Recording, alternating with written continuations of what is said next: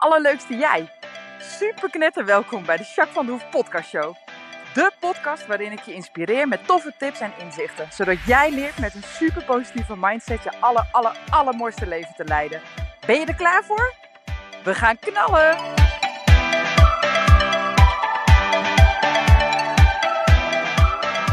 Hey, hey, hey, alle allerleukste jij. Super mega welkom bij de nieuwe podcast. Podcast 77.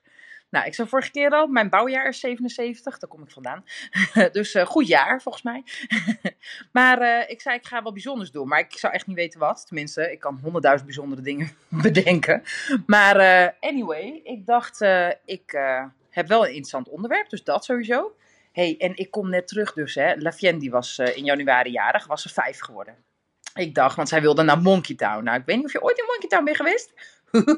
dat hè. Maar goed, in ieder geval, dat uh, wilde ze graag. Dus nou, is goed, zodra het allemaal weer kan, hè, want corona, het zat dicht in januari nog.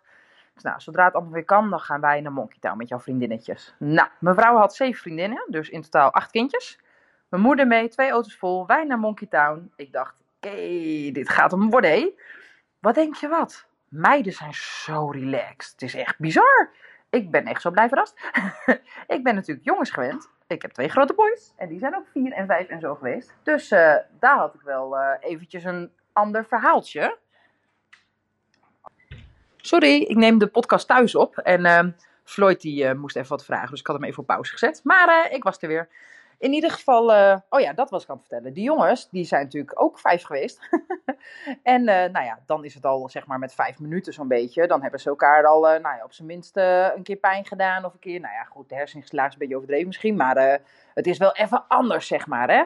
Nou, die meisjes, jongen, echt gingen cadeautje verstoppen in eerste instantie gewoon thuis. En toen waren ze echt allemaal enthousiast bij elk cadeautje wat uitgepakt werd. Nou, ik denk Jeetje, wat een concentratieboog. Want uh, bij de jongens was na één cadeautje echt wel klaar. Dan gingen ze gewoon spelen, klieren, druk doen, bla bla bla. nou, hun dus helemaal niet. Die vonden het helemaal fantastisch. Dus ik dacht echt, oh jeetje, we moeten gaan. Nou, ik die kinderen in de auto gedrukt. Hoppatee, bij gezellig kletsen onderweg. Hartstikke leuk. Nou, Monkey Town, helemaal gezellig. Eén keer roepen, al die meiden gewoon aan tafel. Huh? Hoe doe ik dit? Nou, dat gaat gewoon vanzelf dus kennelijk bij meiden. Althans, bij deze in ieder geval. dus dat was super relaxed. En het was hartstikke leuk. En die meiden waren helemaal blij en afgedraaid. Dus uh, cadeautje mee naar huis. En uh, heel veel plezier en een fijn weekend. Nou, echt. Ik heb nog nooit zo'n makkelijk feestje gehad. Maar in ieder geval was wel heel erg leuk. Dus uh, nou, dat heb ik gedaan. Oh ja, en ik zou nog terugkomen op mijn punten. Ik had natuurlijk met Kingston een wedstrijd gereden. Hè? Start before you're ready, zeg ik heel vaak. Nou, dat heb ik dus ook gedaan. Er is echt nog van alles te verbeteren. En ik ben er nog zeker niet, maar ik dacht, ik ga gewoon starten en ik zie het wel. Nou, dus ik had mijn eerste wedstrijdje gereden en toen had ik uh, 177 punten. Nou, 180 punten is een winstpunt, dus ik zat er net onder, maar op zich was het commentaar heel ver. Dus uh, ja, was leuk. Dus ik heb wel uh, genoten en ja, was super leuk. Dus nou ja, nog even dooroefenen en dan ga ik het weer een keertje doen. En dan nou, moet ik wel een winstpuntje hebben, lijkt mij. Dus ja, dat is wel heel erg tof. Nou, en verder mijn boek, hè. Ja, daar ben ik toch zo enthousiast over dat ik er elke keer wat over vertel.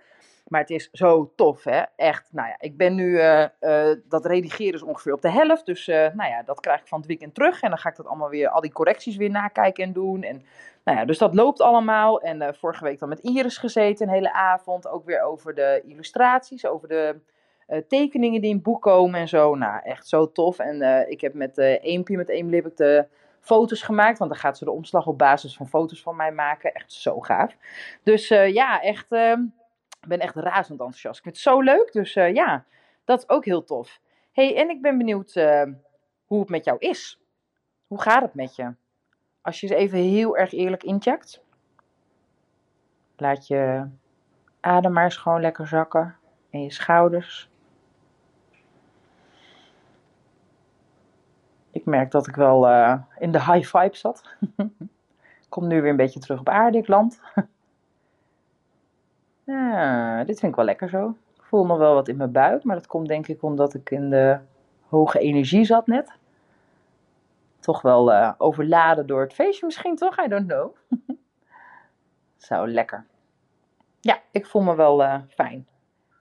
En ik ben heel benieuwd hoe jij je voelt. En uh, even terugkomend op mijn andere vaste item natuurlijk. Uh, wat is jouw hoogtepunt? Nou, mijn hoogtepunt waren er eigenlijk twee. Dat was uh, Kingston, die dan toch nog nou ja, redelijk dicht tegen een winstpunt aan zat, vooral de eerste keer. Maar ook het feestje. dat het zo goed ging en dat Lefjen genoten heeft. Ja, dat is ook leuk. Dus uh, ja, dat in ieder geval. hey, ik wil het eh, over een thema hebben. En dat is best een pittig thema. maar ik vind het wel belangrijk om daar eens wat over te delen. Ehm, dat komt ook een beetje naar aanleiding van een boek. Ik heb uh, iemand, uh, nou ja, Danielle Terpstra, die heeft een boek geschreven. En dat boek heet Als het thuis niet meer gaat. Um, dat is echt heel interessant en dat gaat onder andere over trauma. Nou, ik heb de eer om een stukje te mogen schrijven in dat boek. Dat boek dat komt volgens mij in mei uit, dacht ik. Daar zal ik nog eens wat vaker over vertellen als ik wat meer info heb. Maar in ieder geval is het een heel interessant boek. Um, en ik mocht daar een stukje over schrijven. En uh, nou, naar aanleiding daarvan wil ik wat meer dingen delen over trauma. Nou lijkt het me goed, omdat nou ja, in een podcast, ik wil hem ook niet al te lang maken. Dus het lijkt me goed om het een beetje op te splitsen. Dus dat ik vandaag trauma 1 doe, deel 1. En volgende week trauma deel 2, lijkt me handig. En wat ik vandaag dan met je wil bespreken, uh, wat is trauma? Uh, hoe ontstaat trauma? Lijkt me ook heel zinvol om dat eens te delen. En wat voor soorten trauma je hebt en wat voor symptomen je hebt. Daar wil ik vandaag mee starten. En dan ga ik de volgende keer ga ik wat meer delen over nou ja, hoe kun je omgaan met trauma? Welke fase van verwerking heb je? Uh, nou, dat soort, hè, welke behandelingen zijn er? Nou, dat lijkt me heel zinvol om daar eens wat meer over te delen. Um, Oké, als allereerste wil ik je wat vertellen over wat is trauma dan eigenlijk, hè? nou, trauma is eigenlijk een onverwerkte gebeurtenis in het verleden. En dat kan zijn een ongeluk, dat kan zijn overlijden van een dierbare, dat kan misbruik zijn bijvoorbeeld, geweld wordt ook heel vaak genoemd. Maar ook emotionele pijn, uh, zoals bijvoorbeeld, hè, want wij denken aan trauma vaak aan dit soort dingen die ik net noemde. Hè? Maar er zijn nog veel meer soorten trauma. Ik denk dat bijna iedereen wel een één of meerdere trauma's bij zich draagt. Want een emotionele pijn kan natuurlijk ook heel goed een trauma zijn. Hè? Dat denk bijvoorbeeld aan afwijzing, aan tekortkoming, uh, gebrek aan zelfwaardering. Hè? Komt ook heel vaak uh, voor. En dat zijn dan van die overtuigingen, die zijn vaak toch ontstaan omdat er ooit eens een keer nou ja, vervelende dingen tegen je gezegd zijn. Of je bent gepest in het verleden. Of je hebt iets niet goed gedaan of dingen lukten niet en daar werd je op afgerekend in het verleden. Of er werd niet echt naar je omgekeken, thuis of op school of binnen vriendinnetjes of zo. Of mensen zeiden wat tegen je. Dat kan al super klein zijn. Hè? Uh, en dat het dan toch een overtuiging wordt. En nou ja, dat is wat mij betreft ook een soort van trauma. Dus die wil ik graag meenemen. Ik richt me vandaag wel een klein beetje meer op de uh, trauma zoals uh, ongeluk, overlijden, misbruik, geweld. dat soort verschrikkelijke zaken. Maar neem ook de emotionele pijn heel serieus, want dat is ook absoluut een vorm van trauma. Nou, wanneer je last hebt van een trauma, uh, bijvoorbeeld emotioneel, maar dan merk je vaak dat er toch angsten zijn, dat er boosheid is. Het kan zijn dat je bepaalde schuldgevoelens hebt of heel veel verdriet. Nou ja, dan, dan is het toch wel vaak een trauma. En nou ja, weet je, als een trauma um, in jou zitten, dus dat je, dat je getraumatiseerd bent op een bepaald gebied, dan heb je daar hoe dan ook last van in je leven. En daarom wil ik het er wat dieper en wat meer over hebben. Ten eerste omdat je dan wat meer weet over trauma. Misschien herken je het dan beter bij jezelf of bij iemand anders. Um, en volgende keer wil ik ook heel graag delen wat je daar zelf aan kan doen. En dat er wel mogelijkheden in zijn. Dus dat je niet per se de rest van je leven hoeft vast te zitten in een trauma. Want ik denk dat nou ja, bijna iedereen heel erg veel baat heeft bij het oplossen van hun eigen trauma's, omdat het je hele leven gewoon verandert. Dus vandaar dat ik het echt heel belangrijk vind. Ik kom ook ontzettend veel mensen tegen met een trauma. En daar gaan we heel vaak mee aan de gang. Soms paardencoaching, nog vaker EMDR en uiteraard ook via hypnose bijvoorbeeld. Nou, en dan zie ik gewoon dat als trauma's uh, nou ja, opgelost worden, of in ieder geval de lading ervan afgehaald worden, dat het zo'n ander verhaal is in het dagelijks leven van iemand. Hè? Niet alleen terugkijkend op wat er gebeurd is, maar ook gewoon in het dagelijks leven hoe het zich uit. Nou, daarom vind ik het heel essentieel om het een keer met jullie te bespreken. Nou, hoe ontstaat trauma? Trauma is eigenlijk, um, oké, hoe ga ik dat vertellen? Trauma, oké, als jij iets meemaakt, überhaupt prikkels, ervaringen, alles wat er gebeurt in je leven, dat uh, gaat via je hersenstam, zeg maar, naar boven. En dat wordt opgeslagen in je libidisch brein, zeg maar, dat is uh. En um, daarin wordt het dan opgeslagen. En op het moment dat je dan slaapt, en dan met name je remslaap, dus als je droomt, dan wordt het allemaal verwerkt. Nou, op het moment dat dat uh, heftig is, hè, dus bijvoorbeeld, uh, um, nou ja, er zijn triggers, zeg maar, hè, het is heftig, er zit veel lading op, op de gebeurtenis of de herinnerende ervaring die is opgeslagen, in de amdimagdala, dan wordt die dus niet verwerkt. Nou ja, om een goed voorbeeld te geven, want dat is namelijk ook iets heel functioneels waarom wij dat hebben. Om een goed voorbeeld te geven, als jij uh, je handen, uh, nou, er staat een hele hete kachel, hè? een, een uh, hoe heet zo'n houtkacheltje staat er. En jij doet je vingers tegen die houtkachel aan, dan verbrand je handen, hè? dat doet zeer. Nou, dan wordt die um, ervaring die je dan dus meemaakt op dat moment, wordt ook opgeslagen in je amdimagdala. En die blijft daar zitten. En dat heeft als doel dat jij niet elke keer opnieuw je vingers brandt tegen die kachel. Maar dat het een trigger is. Dus zodra jij iets warms voelt of een kachel ziet, dat zijn de triggers, dan denk je, oh, dan moet ik niet bij in de buurt komen, want anders dan doet het zeer, brand ik mijn handen. Dus dan is het heel functioneel. Maar alle vormen van trauma's blijven daarin zitten. En dat betekent dus dat als jij bijvoorbeeld een ongeluk hebt gehad, ja, en er komt een trigger voorbij, zoals uh, je moet in het verkeer deelnemen of uh, uh, je bent op die plek hè, waar het gebeurd is bijvoorbeeld, of uh, hetzelfde weer als tijdens dat ongeluk. Nou, dan kan het maar zo zijn dat je echt weer in dat trauma schiet. En dat je dan heel erg angstig wordt of verdrietig, of nou ja, dat je daar heel veel last van hebt, zeg maar. Nou, dus daarom is het goed om te benoemen hoe zo'n trauma dan eigenlijk ontstaat, zeg maar. Hè? Nou, je hebt verschillende soorten trauma's. Dat zijn uh, enkelvoudige trauma's en meervoudige trauma's. Nou, enkelvoudige trauma's moet je denken aan een eenmalige gebeurtenis bijvoorbeeld een ongeluk of een overval of zoiets, zeg maar. Um, bij enkelvoudige trauma's, dat, dat is niet erger of uh, minder erg dan meervoudig, maar het is gewoon één keer gebeurd en niet meerdere keren. Nou, meervoudig trauma, dat is dan natuurlijk vrij logisch. Dat is vaak over lange termijn meerdere keren gebeurd. En dat gaat dan vaak over misbruik bijvoorbeeld, maar ook over pesten bijvoorbeeld. Hè. Dat is ook iets wat vaak over een langere tijd meerdere keren gebeurt. En dan spreken we over meervoudig trauma. Nou, het enige grote verschil daarin is eigenlijk dat de behandeling iets anders is. Meervoudig, uh, meervoudig trauma is iets complexer zeg maar, in de behandeling, omdat er vaak net iets meer voor nodig is. Maar even goed te behandelen en het kan ook even zwaar zijn voor de persoon zelf, zeg maar, ook qua lijden. Zeg maar, hè? Dus dat, uh, daar zit in, in ieder geval dan weer geen verschil in. Nou, vaak doen mensen uh, aan kopingen. Je probeert er toch een beetje mee om te gaan als er een trauma zit. Nou, dan ontstaan er bijvoorbeeld angststoornissen of een negatief zelfbeeld. Maar ook verslavingen komen heel veel voor. En dat zijn dan allemaal manieren hoe iemand probeert te dealen met, die, met het trauma en met de triggers die zij meemaakt in, in het trauma, zeg maar. Hè?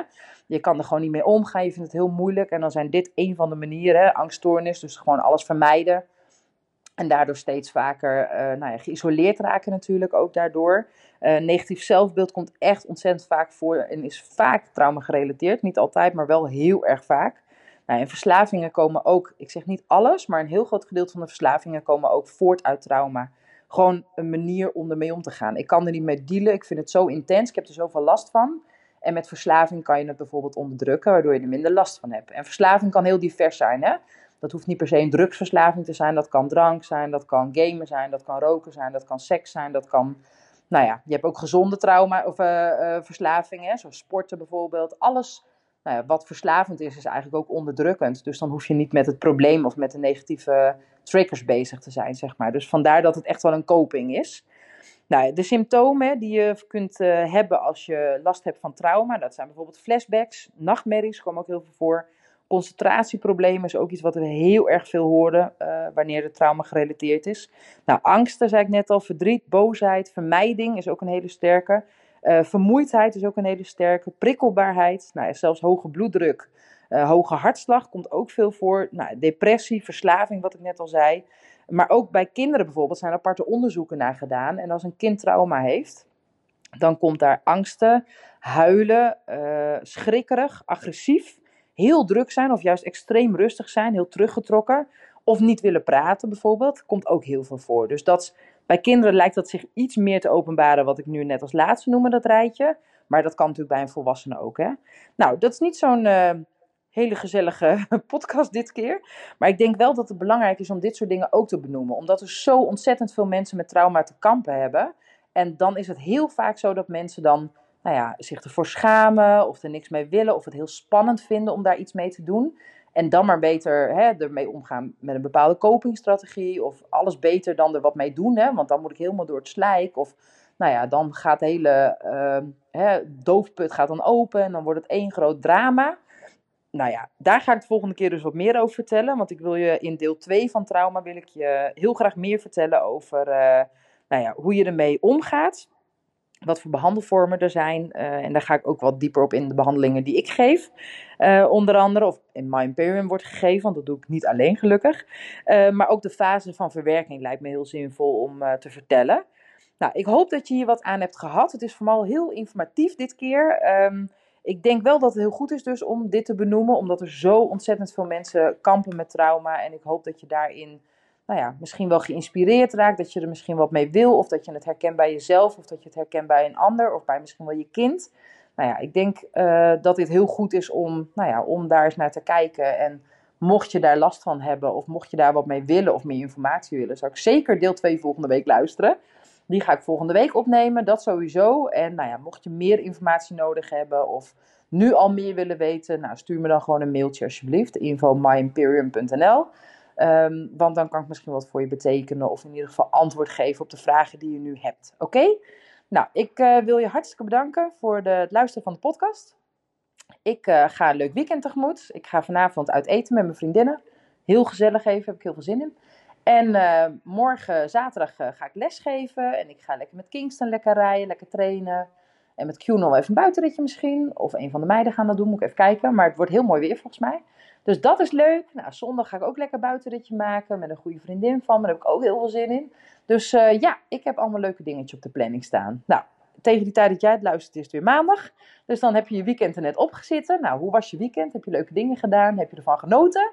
Want dat is het allerbelangrijkste. Heel klein, hè? Je kan uh, als het een paar zonnestralen, hè, dat gaat van het weekend als goed gebeuren. En je pakt je bakje thee of je koffie of whatever. En je kan buiten met een jasje aan gewoon lekker in de zonnestralen. Ja, weet je dan heb je toch al een topweekend. Tenminste, ik wel hoor. Nou, ik uh, wil je niet super bedanken voor het luisteren. En ik wens je een hele fijne week. En uh, tot volgende week in ieder geval. Doei!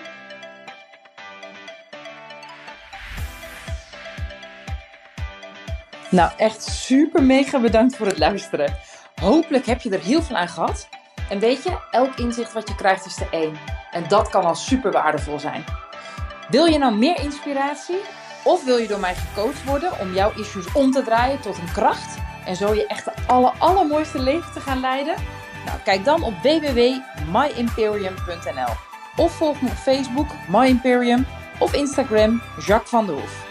Nou, en tot slot, deel alsjeblieft deze podcast met alle mensen waarvan jij denkt: oh, misschien is dit waardevol voor die persoon. Want zo help je mij onwijs mijn bereik te vergroten. En help je al deze mensen om extra inzichten en inspiratie te krijgen waar ze hopelijk heel erg veel aan hebben. Dus alsjeblieft, alsjeblieft, doe dat. En tot de volgende podcast. Doei doei!